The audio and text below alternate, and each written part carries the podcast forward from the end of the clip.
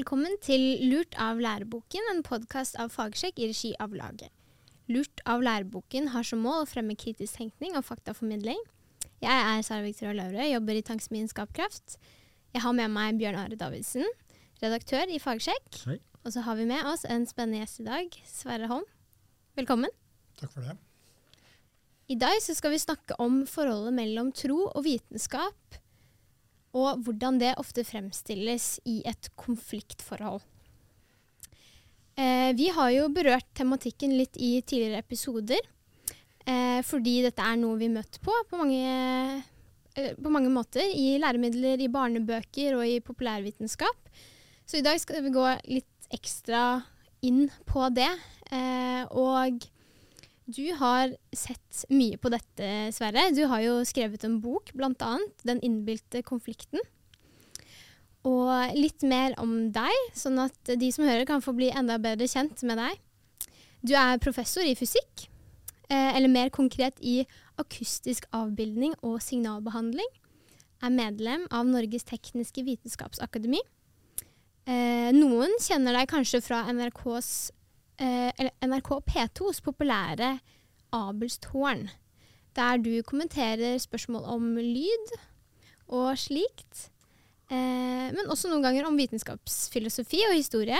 Og du er en ivrig formidler som har skrevet bøker og blogget en god del. Stemmer? Ja, det stemmer det. Er det noe mer du har lyst til å legge til? Nei, og så er jeg jo en vanlig mann, sånn ektemann til Lise, og Ja. Pappa til fire gutter. og så Når det er pappa til fire gutter, så blir det bare farfar. Så det er farfar til fire barnebarn, sånn ja. eh, opp til og med tredje klasse. Så koselig. Eline, Ada, Philip og Fredrik. Så hyggelig. Ja, men det er hyggelig å høre litt mer enn bare den eh, liksom, eh, faglige siden din. Kan du si noe kort om hva du brenner mest for? Ja, jeg brenner jo for at eh, denne innbilte konflikten, at den er innbilt. Mm. Eh, og eh, jeg vil gjerne ha fram det, det er en sånn lang historisk greie. Men, men egentlig som en- del av det, så brenner jeg for at naturvitenskap særlig skal ha sin riktige rolle i, i vår kultur og vårt samfunn. Ikke en sånn overdreven rolle som at det er alt, Mm. men liksom finne en riktig rolle.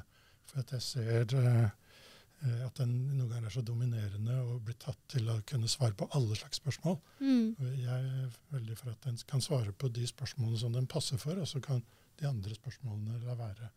Og Det er veldig fristende for, for meg som eh, jobber i naturvitenskap, og, og mine kollegaer også, å ta den autoriteten som vi blir gitt fordi vi jobber med naturvitenskap som er så viktig i vår tid, Mm. og uttale oss i hytt og vær om alt mulig ting. Mm. Og det, ja, det er en utfordring, da. Mm. Og hva er Hvorfor skal man på en måte begrense litt den rollen som naturvitenskap, eller det mandatet som det kanskje blir gitt? da? Fordi hva er begrensningene til naturvitenskapen? Ja, altså Naturvitenskap er jo bare én måte å få kunnskap på.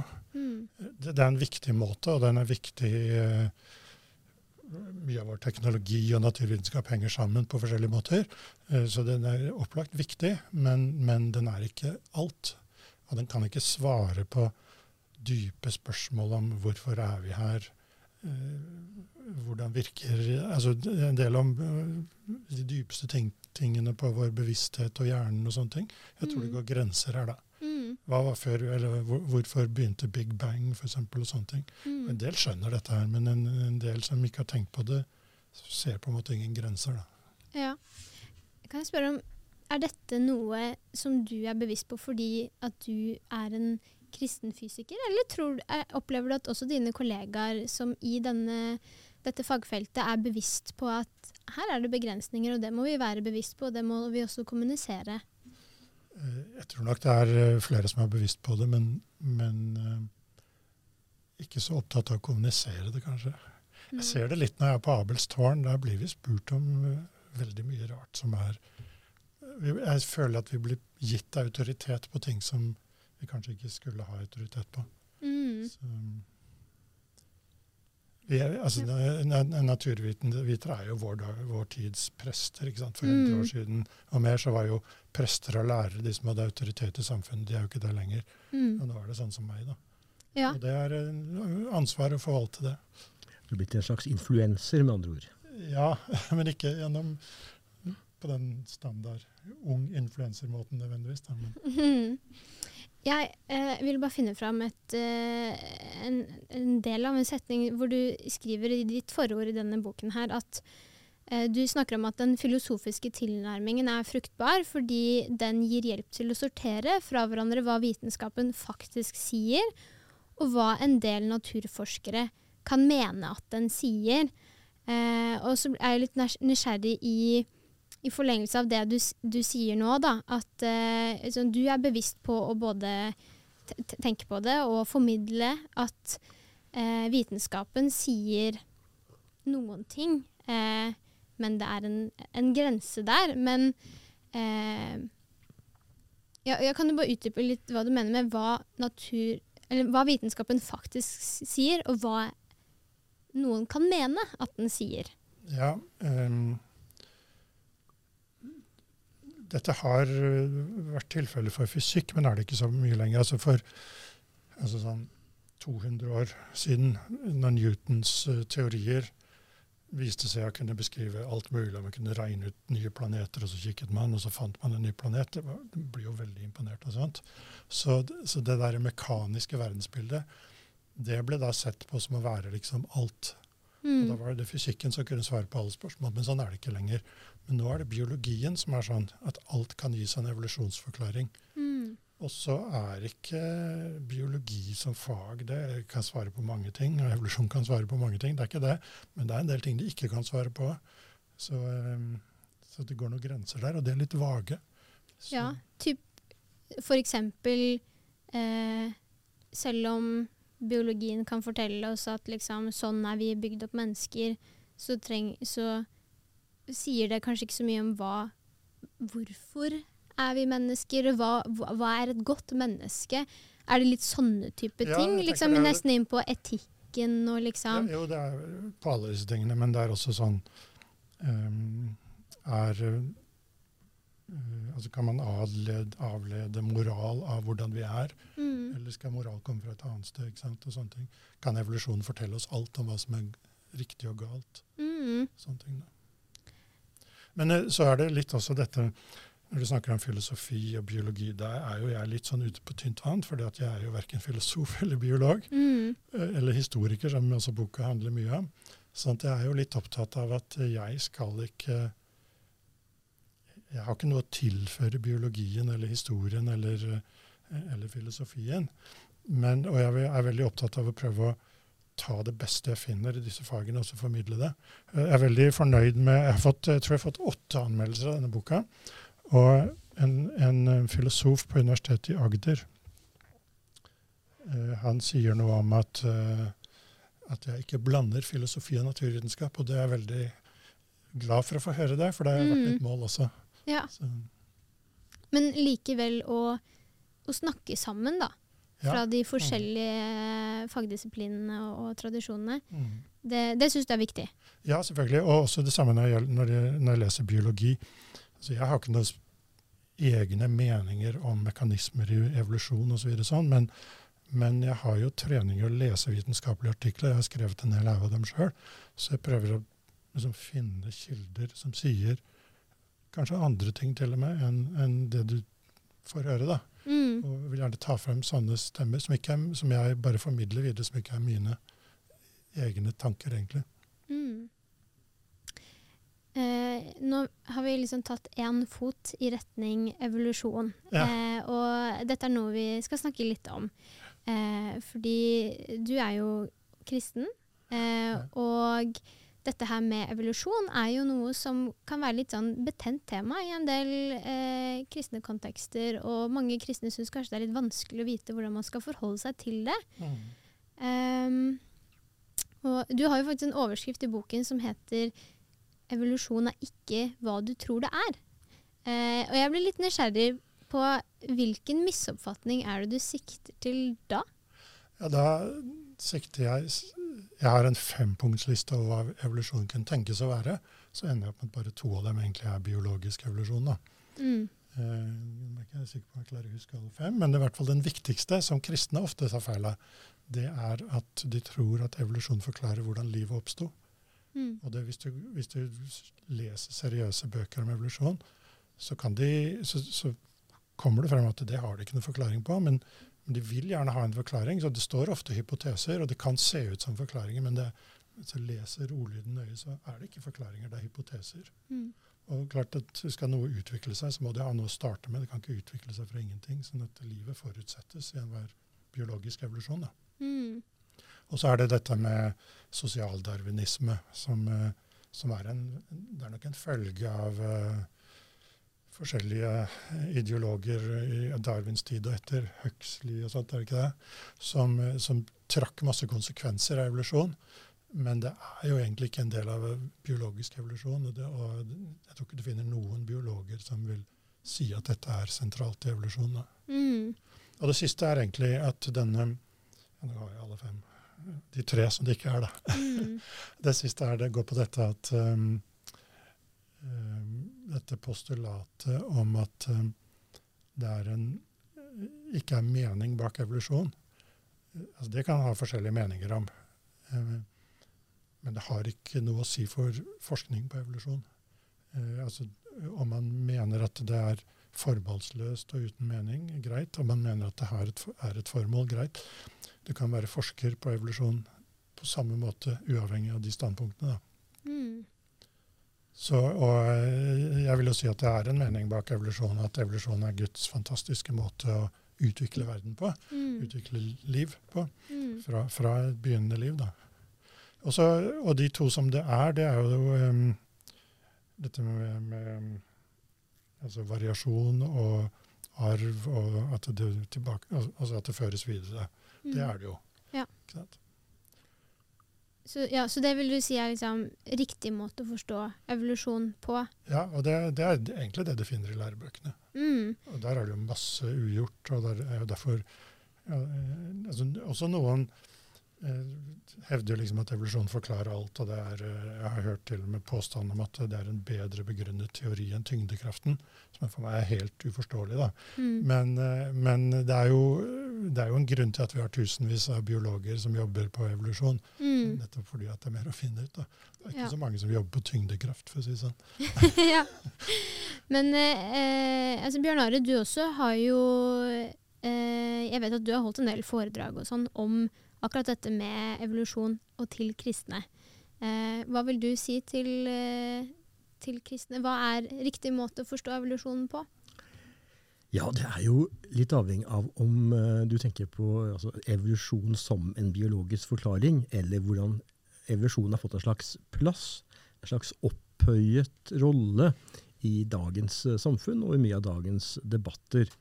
For det vi må skille mellom, er rett og slett, som Sverre er inne på, evolusjon som en vitenskapelig forklaring, og dette med den filosofiske på en måte, dimensjonen da, mm. så, som gjør at noen, mange tror at gjennom å henvise til evolusjon, har de funnet et svar f.eks.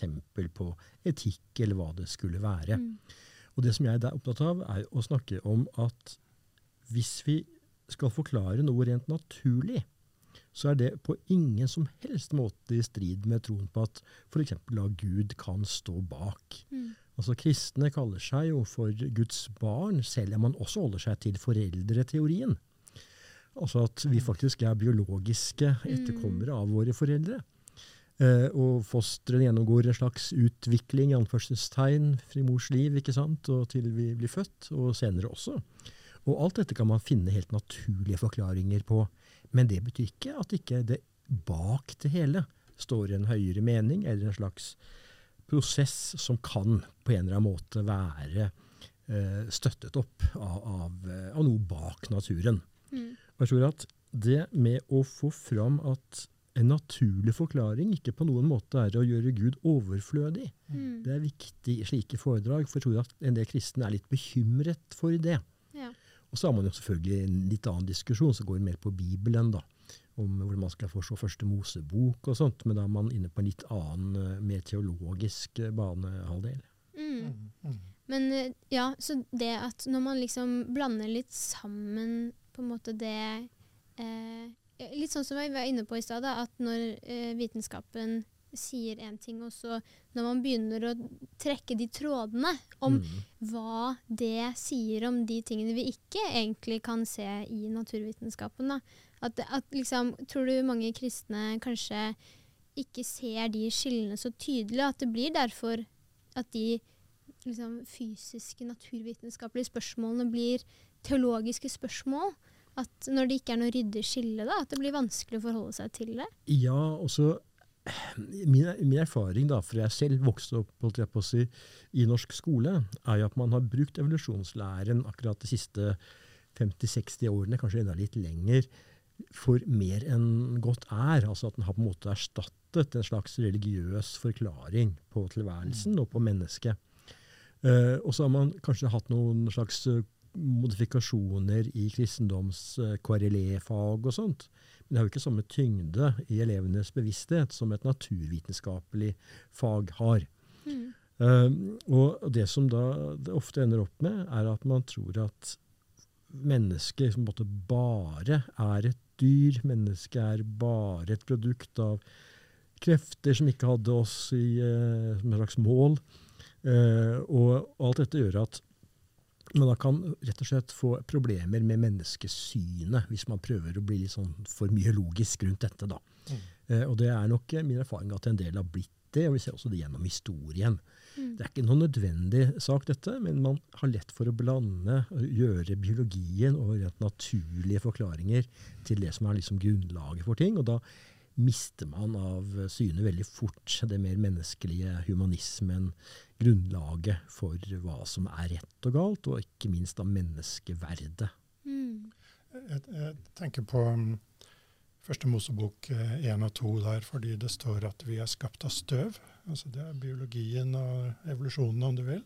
Og så er vi også blåst, innblåst av Gud med, noe, med en, en, en sjel og en ånde. da. Dette tosidige bildet. Og vi, er ikke bare støv, men vi er det også, da. Mm. Eh, Er det, jeg er litt nysgjerrig på hvordan Når du er en kristen som ikke har noe problem med, med evolusjon Det gjelder jo for så vidt eh, dere begge. Eh, er, det liksom, er det overraskende blant dine kollegaer? Er det liksom Oi! Jeg er ikke biolog, ikke sant? så jeg, jeg har ikke sånne kollegaer som tenker så mye på dette, tror jeg. Ja. Men, men jeg har nok jobbet mye med det selv. Og um, uh, jeg, grunnen til at jeg skrev boka, var også fordi at jeg oppfatter at det er mange som strever med dette spørsmålet og andre spørsmål. Mm. Så, så har ikke jeg egentlig strevd så mye med det selv. Jeg er også en ikke-kristen bakgrunn så, og, og var opptatt av vitenskap lenge før jeg ble opptatt av kristen tro. Eh, men, men så har jeg tenkt at boka skal skrives til, er, er skrevet for mennesker som tenker at det er ikke noe konflikt, men de klarer ikke å sette ord på det. Hvorfor det ikke er konflikt. Så Mm. prøver å gi dem ordene. da. Det har vært Mm. eh, noe av hensikten. Men, eh, det, er- det er eh, et, Til den der fempunktslisten min, så, Mm. så ligger det egentlig i samme avsnitt så er det en sjette punkt, og det er dette med kosmisk evolusjon. Altså fra Big Bang til eh, som er energi, til partikler og de enkleste grunnstoffene. Og så ble det eh, solsystemet, galakser, planet, jorda. Og så kom livet, osv. Så videre, sånn. Dette er jo også en del av den store evolusjonsteorien som har ingenting med Darwin å gjøre, ingenting med biologi å gjøre, men som også blandes sammen. Men dette er jo en eh, Og det er et faktum at det har skjedd, så vi kan ikke fornekte det. Ellers hadde vi ikke sittet her.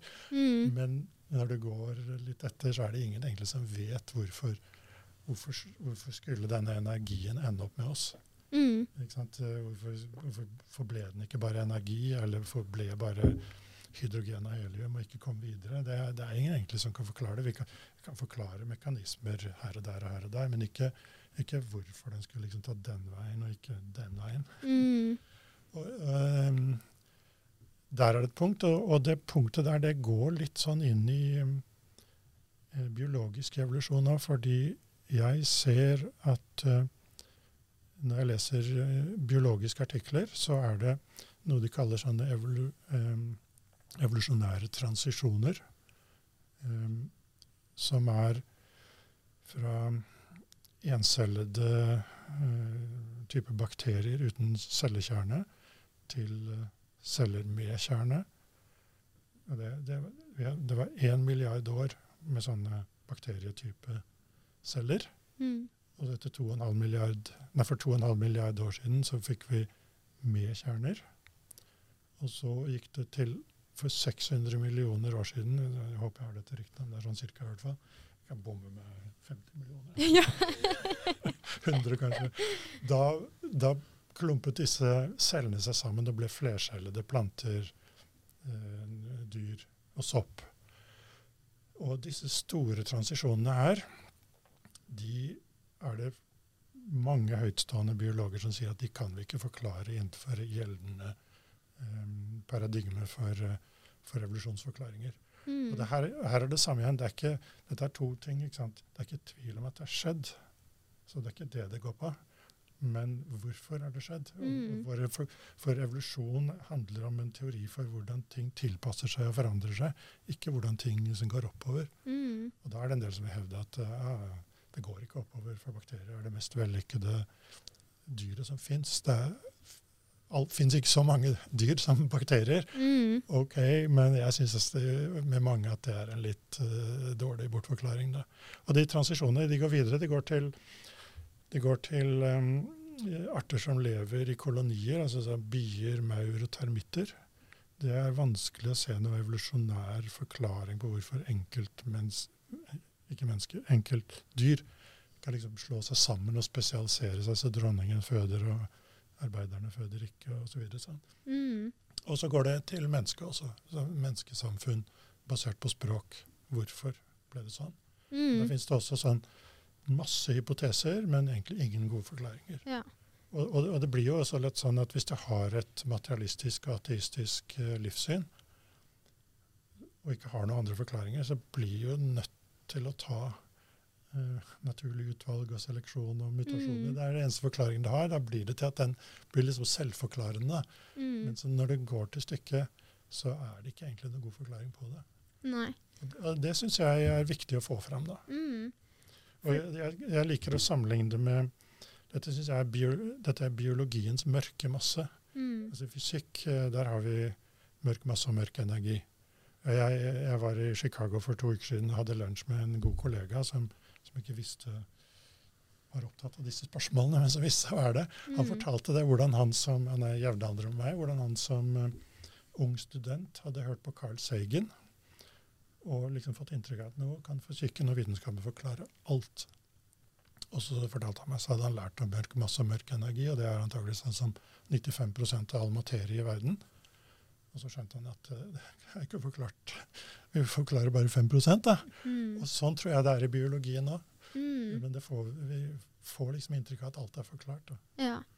Jeg tror det er en utfordring her at uh, innenfor biologien så har det dessverre, som vi har vært inne på, blitt en sånn uh, sak som har fått veldig stor dimensjon også på livssyn. Mm. Og dermed har nok en del ateister, som Carl Sagen, i den grad han var det, uh, vært veldig opptatt av å hevde at dette har forklaringer på alt. Ja. Vi ser jo det samme hos Dawkins og mange andre, Dennett og sånt. Og, og, dette er jo noe som gjør at det er vanskelig å diskutere uten at man ender opp med en livssynsdebatt. Mm, mm. Og det blir litt sånn uh, lite konstruktivt i en seriøs sammenheng. Og jeg tenker det bildet du nå har gitt her, av at dette liksom den mørke materie, at det er en del ufor, uforklarte ting, det trenger ikke bety at det er uforklarlige.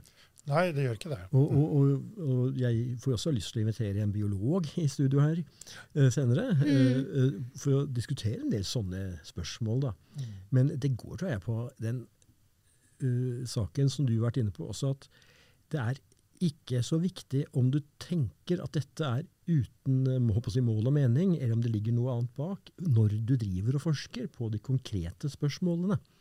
Men det du må unngå, det er å si at noe er løst som faktisk ikke er løst, selv om du kan ha noen mer eller mindre brukbare hypoteser. Mm, mm. Mm. Og det her er jo, eh, hvis vi drar det litt til dette med læremidler og sånn eh, At sånn, Jeg tenker bare selv òg. Det er også interessant å høre hva dere mener der. At liksom at der kan jo de som skriver disse læremidlene, og også lærere eller professorer, være også flinkere til å presisere at dette kan vi vite, men dette kan vi ikke vite. Men vi kan liksom ha noen hypoteser og teorier rundt det. Men å skille tydelig mellom hva som er dette her vet vi, men dette vet vi ikke. Og mitt inntrykk er jo at ofte så er ikke er man ikke flink nok, eller sånn som du også nevnte i stad, at de Kanskje hvis man leser nøye, så kan man se at dette her er egentlig bare teorier, liksom det de utleder fra naturvitenskapen. Men for eh, de som ikke har et trent øye på det, og kanskje særlig barn da, i skolen, da, da hører man jo kanskje fort eh, alt bare i én sånn samla greie. At ja, OK, evolusjon, da betyr det at vi ikke har noe mål og mening. Og, mm, mm. og, og at det er da det blir et, et problem, da. Men, mm. men, liksom, hvordan kunne eh, læremidler gjøre dette på en litt ryddigere måte, tenker dere? Ja, jeg vet i hvert fall at som forsker så, så er det å stille gode spørsmål det er, eh, det er halve prosessen. Mm. Du kan ikke finne svar på noe du ikke har spørsmål om. Sånn at hvis vi fremstiller naturvitenskap som om alt er forklart, så er det i hvert fall ikke noe rekrutterende til nye naturforskere. Alt er jo forklart. Mm. så du tar det litt på spissen, da. Og det andre jeg tror, det er at eh, Eller jeg mener sterkt, egentlig, det er at eh, når vi fremstiller som om et sånt naturalistisk eh, livssyn er naturvitenskap, så skyter naturvitenskapen seg selv i beinet. Mm. Fordi det, vi blir gjennomskuet, og vi er i ferd med å bli gjennomskuet, vil jeg også si. Mm. Og så, og så, går vi fra å beundre naturvitenskap til å ikke ha noe tillit i det hele tatt. Og vi ser jo tendenser til det i vår tid. Eh, og det er baksiden av medaljen. Så hvis, hvis vi hadde liksom klart å legge oss sånn midt i, masse forklart, uforklart, masse forklart, og vi, kan, vi mestrer noe, og vi mestrer ikke noe annet, så både rekrutterer vi mer, og, og, og, vi får ikke disse overdrevne forventningene som så ikke innfris, og så blir man mot naturvitenskap i stedet. Det er en utfordring også i læremidler at har, i hvert fall noen av de jeg har sett på, både på videregående og andre nivåer, har det vært lagt opp til en slags motsetning, hvor det er veldig tydelig F.eks. man skriver om 1700-tallet at før trodde man at uh, alt skulle bli forklart ved Gud, men så oppdaget man naturlover. Ja. Og da trengte man ikke lenger Gud. Eh, og du har jo skrevet i denne boken ganske grundig om hvordan selve tanken om naturlover, tanken om naturvitenskap, har utviklet seg gjennom århundrene. Og hvor mye av dette som er knyttet til premisser som ikke er veldig øh, tydelige i læremidler, og som har kanskje mer å takke eh, teologien og kristen tro, og kanskje også andre religioner, for, enn det mange tenker. Ja, det har jeg lyst til, Dette har jeg skrevet ned i min forberedelse. Mm. Dette er et sitat jeg har i boken min også, fra Newton. Eh, fra hans um, Principia Mathematica, er det det heter. Altså, der hvor gravitasjon og alt sammen fikk sine formler og beskrivelser for første gang, 1687. Det kom i en andre utgave i 1713, tror jeg. Han sier det. Newton skrev på latin, og så har det vært oversatt til litt sånn kronglete engelsk. Så jeg har prøvd å oversette det ikke så veldig kronglete norsk, men det er veldig vanskelig, da. Så kan jeg prøve å ta det. Mm. Men han sier uten tvil kunne denne verden, med det store mangfold av former og bevegelser som vi finner i den, komplisert verden, ikke oppstått fra noe annet enn den fullkomne frie viljen til Gud som styrte og ledet det hele. Og Så sier han om naturlover. Fra denne kilde, altså Gud, er det at de lover som vi kaller naturlover, har strømmet. Altså, dette var Newtons syn på Gud og naturlover. ikke sant? Mm. Ikke, her er det ikke noen motsetning. Altså, her, for, for, ham var det Vi kan ikke ha lover uten en lovgiver. Mm. Sånn er det i all annen juss. ikke sant? Så hvorfor ikke her? Ja, sant det. Men eh, hvor kommer dette konfliktperspektivet fra? Og eh, også et spørsmål også i, i, forlengelse av det er Har det blitt tatt til inntekt for et materialistisk filosofisk syn? At, er, er, det liksom derfor at eh, visse folk som har hatt en agenda, har eh, på en måte mata opp da, under et konfliktperspektiv. For, og egentlig at, for, og så har man tatt det inn på denne livssynsdebatten, uh, uh, egentlig. da. Ja, altså jeg, jeg har prøvd å spore det tilbake, og jeg tror Bjørn Are i denne podkasten tidligere har vært inne på disse to bøkene Draper, 'History of the Conflict Between Religion and Science' fra 1874, og så Dixon White, 1896, 'Warfare of Science with Theology'. Men jeg ser at, eh, Og de er veldig kjent, fordi, bl.a. fordi de er på engelsk. Men jeg ser at det, det, er, det er, et hundreår før, altså franske revolusjon, fins det mye av dette her. Og jeg har uh, sittet og lest på en, uh, en som heter Condorcet, matematiker, filosof og statsviter. 1743-1796. Han ble faktisk drevet til selvmord av den franske revolusjonen. Det er sannsynligvis vi er litt uklare omstendigheter rundt ham. Men han skrev en bok eh, året før han døde som het uh, Den er på fransk, da, men det er en skisse til en overs, historisk oversikt over menneskehetens fremskritt, progresjon. Eh, fordi det var jo en veldig sånn fremskrittstro eh, i eh, den franske revolusjonen, og det har egentlig vi hatt hele tiden siden. Mm. Vi tror på fremskrittet, og, og, vi er veldig sånn kan ikke gjøre sånn, for nå er det 2023. Vi det er 2023, ikke sant? Så, sånn var det i fjor, eller 100 år siden. Mm. Og, det er, og, det ligger en veldig fremskrittstro på det.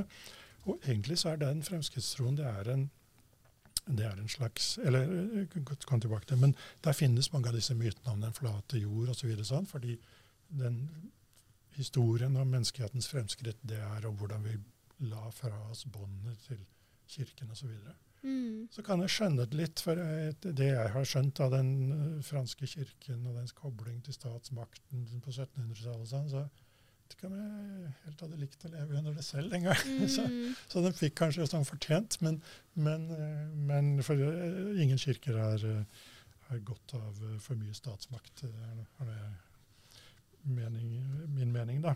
Mm. Men så er det litt interessant også at denne fremskrittstroen det er egentlig en slags sånn forvrengning av det kristne historiesynet. Fordi mm. at det greske historiesynet gikk det i sirkler, det gjentok seg selv som vi har i hinduistisk også.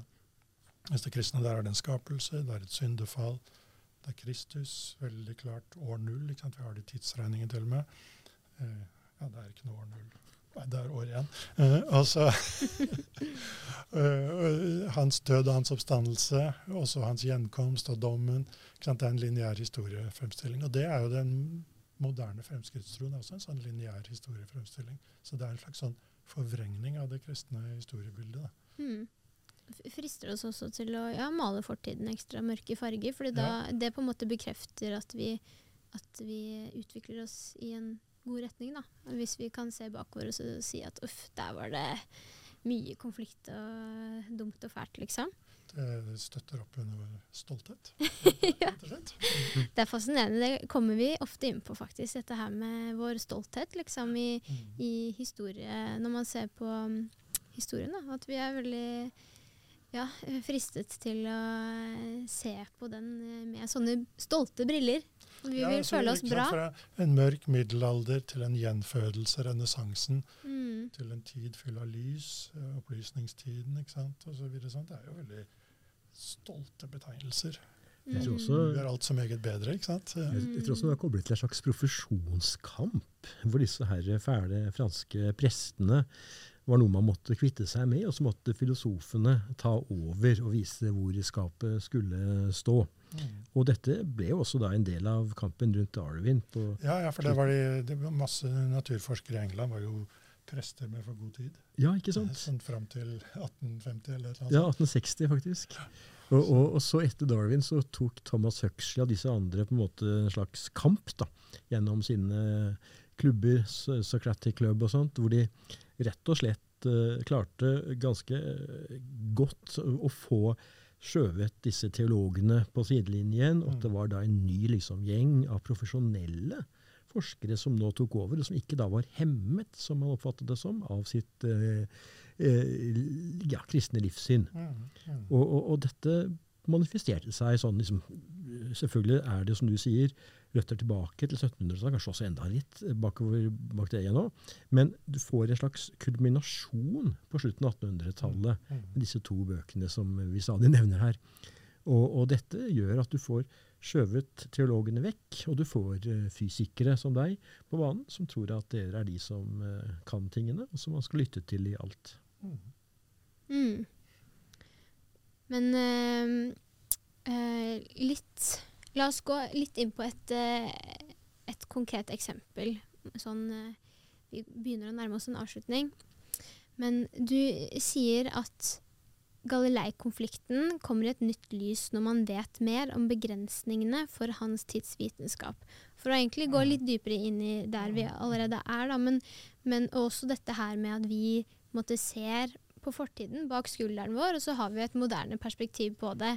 Um, hva Hvordan kan denne eh, konflikten ja, Som kanskje ikke var Eller med Galilei var det jo en slags konflikt, men den var, hadde noen andre nyanser enn det vi tror, og det vi leser inn i det. Ja. Og så, jeg var var bare litt nysgjerrig på dette med begrensningene for hans tids vitenskap. Ja, det, er- det er, um, det er, dette er jo sånn som um, Det er faktisk litt sånn vanskelig, den vitenskapen der. Mm. Og det, jeg skjønner godt at den blir misforstått. Men når lærebøker sier at uh, Galilei demonstrerte at uh, jorda beveger seg, så ligger det et veldig sånn naivt vitenskapssyn, nemlig at uh, ingen hadde noen gang tenkt på dette. Og så var Galilei så heldig at han fikk et teleskop i, i hendene. Så kikket han, så så han med en gang Oi, det er sånn. Og så er det ikke sånn. Det, det er ikke sånn eh, så enkelt eh, vitenskap eh, fungerer, da. Um, og um, det, det finnes forskjellige sånne altså, det er også Galilei likte selv å fremstille det som at det var enten det gamle antikkens verdensbilde med jorda i sentrum og planeten og sola rundt, eller Copernicus sitt med sola i sentrum og jorda som en av planetene som gikk rundt. Og eh, mens på hans tid så Jeg har prøvd å telle opp, og jeg, jeg finner at det er kanskje sånn ni forskjellige alternative verdensbilder Det finnes Mm. dette to av dem. Og det, og det viktigste forskjellen er enten, eh, enten med jorda i sentrum eller sola i sentrum. Men så finnes det en sånn blandingssystem til tykk og bra. Og min påstand er at eh, hvis man ikke skjønner Tycho Brahes uh, geoheliosentriske system, hvor jorda er i midten og sola går rundt, og alle planetene går rundt sola, som de jo gjør Hvis man ikke skjønner det, så skjønner man ikke Galilei-konflikten. Mm. Eh, fordi at lenge etter Galileis død så var dette det rådende eh, synet på hvordan eh, verden så til, eh, hang sammen. Jeg vet jeg, jeg skrev en, eh, en anmeldelse i, et tidsskrift eh, fra Fysikkens verden av en sånn innføringsbok i fysikk av Reidun og Therese Renstrøm. Jeg tror en av dem kom, planlagt å komme her en gang. Eh, Og den er veldig god på vitenskapshistorie. Jeg ga den ros for dens vitenskapshistorie. Mm. Og eh, da fikk jeg sånn kommentar at, For det jeg sa nå, at den fikk fram Tycho Brahes, danske Tycho Brahes verdensbilde så bra. Fikk jeg sånn kommentar. Brahes modell med sol- og planetsystem som sirkulerer rundt jorda, har neppe stor relevans i dag. Og det er helt riktig. I fysikk og astronomi har det null relevans. Ikke, ba, ikke bare ikke stor, den er null. Men hvis du skal forstå historien, er den veldig Mm. viktig. Og det som er forskjellen, at uh, for å forstå historien, så kan vi ikke se på hva som er gjeldende vitenskap i dag, og bare tilbakeprojisere det. Vi må se på hva var det folk mente var det beste 1630, 1640, 1650. Altså han døde i 1642, tror jeg. Og, og da viste at Tycho Brahes system, som ingen tror på i dag, var det rådende systemet. Og Mm. grunnen til det var at det er ikke nok å se på planeter for å finne ut om jorda beveger seg, som han gjorde. Og som, de hadde ikke teleskop som kunne noe annet enn å se på planeter heller. Du må se på stjerner, Mm. fordi at det er stjernene vi beveger oss i forhold til. Planetene beveger seg jo sammen med oss. Og det visste de. Og, og selv eh, grekerne visste det, og de hadde sett på stjernene og ser at eh, det er ingen variasjon i stjernebildene mellom september og mars, hvor jorda liksom skal være ytterpunktene i banen. Mm. Altså beveger vi oss ikke. Og det er så vanskelig å se at eh, det er en tysker som het Bessel, han så det ikke før i 1838. og Det er altså 200 år etter Galilei. Mm. hadde vi gode indisier før det. altså. Selv Kepler, som levde før, litt før Galilei, eller samtidig. Keplers lover forteller egentlig at sola er i sentrum. Men Galilea var for sta til å høre på det, og Kepler skrev så krotet, knotet at ingen som skjønte det heller. Mm. begge to.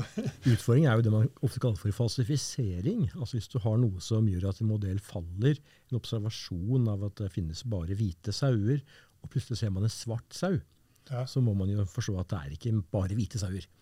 Og her var jo falsifiseringen at man ikke kunne observere noen forskjell på hvordan man så stjernene Mm. på høsten og, og våren, når solen sto da angivelig på hver sin, nei, jorden sto angivelig på hver sin side av eh, sola. Mm. Og, og, og det at man ikke kunne se dette, ble jo på mange måter en slags falsifisering Ja, ja, i manges øyne for, for- de som levde på denne ute- tiden. Man var ute etter å finne ut. Og så Ja. var det det også at eh, Jeg vet ikke hvor mange som har et forhold til hvor lang tid lyset trenger fra sola til oss, men det er altså åtte minutter. da. Og på, I antikken så trodde de at stjernene var omtrent så langt unna. Og da kan de lett regne ut at de skal flytte seg Mm. hvis vi går i bane, men de gjorde det ikke. ikke? Så det var eh, sunn vitenskap Mm. og observasjoner, men de, de skjønte ikke begrensningene til synssystemet, begrensningene til teleskoper osv. Så sånn. Men mener du da med andre ord at eh, kirken holdt seg mer til eh, vitenskap enn det Galilei gjorde? Jeg har prøvd å få det til at eh, altså, Jeg har akkurat fått forkastet en artikkel som jeg sendte inn. Det er sånn fagfellevurderinger, ikke sant. Um, og um, uh, det er ikke så farlig for meg, men det er farlig for den doktorgradsstudenten det gjelder. men men eh, kirken hadde veldig gode astronomer selv, og drev en ganske tøff fagfellevurdering av Galilei. Mm. Da var kirken litt mektigere enn sånne redaktører i tidsskrifter. Så den hadde litt mer sånn ris bak speilet. Mhm. Så du har mer sjanse folk som kjetter og så videre. Sånn. Mm. Men, eh, men når det er sagt, så må jeg si det også at det, det er ingen naturforskere som noen gang har måttet uh, bote med døden for sin vitenskap. Altså. Mm. Det, er mange, det er noen andre som har gjort det for andre ting, men ikke, ikke naturvitenskap. Med det så tror jeg vi må runde av her Ja. i dag. Eh, tusen takk, Sverre Holm, for at du har vært her med oss i dag og delt av din eh, kunnskap og dine refleksjoner. Takk for at jeg fikk komme. Veldig hyggelig. Og takk til dere som har lyttet til Lurt av læreboken. Sjekk oss ut på sosiale medier og fagsjekk.no.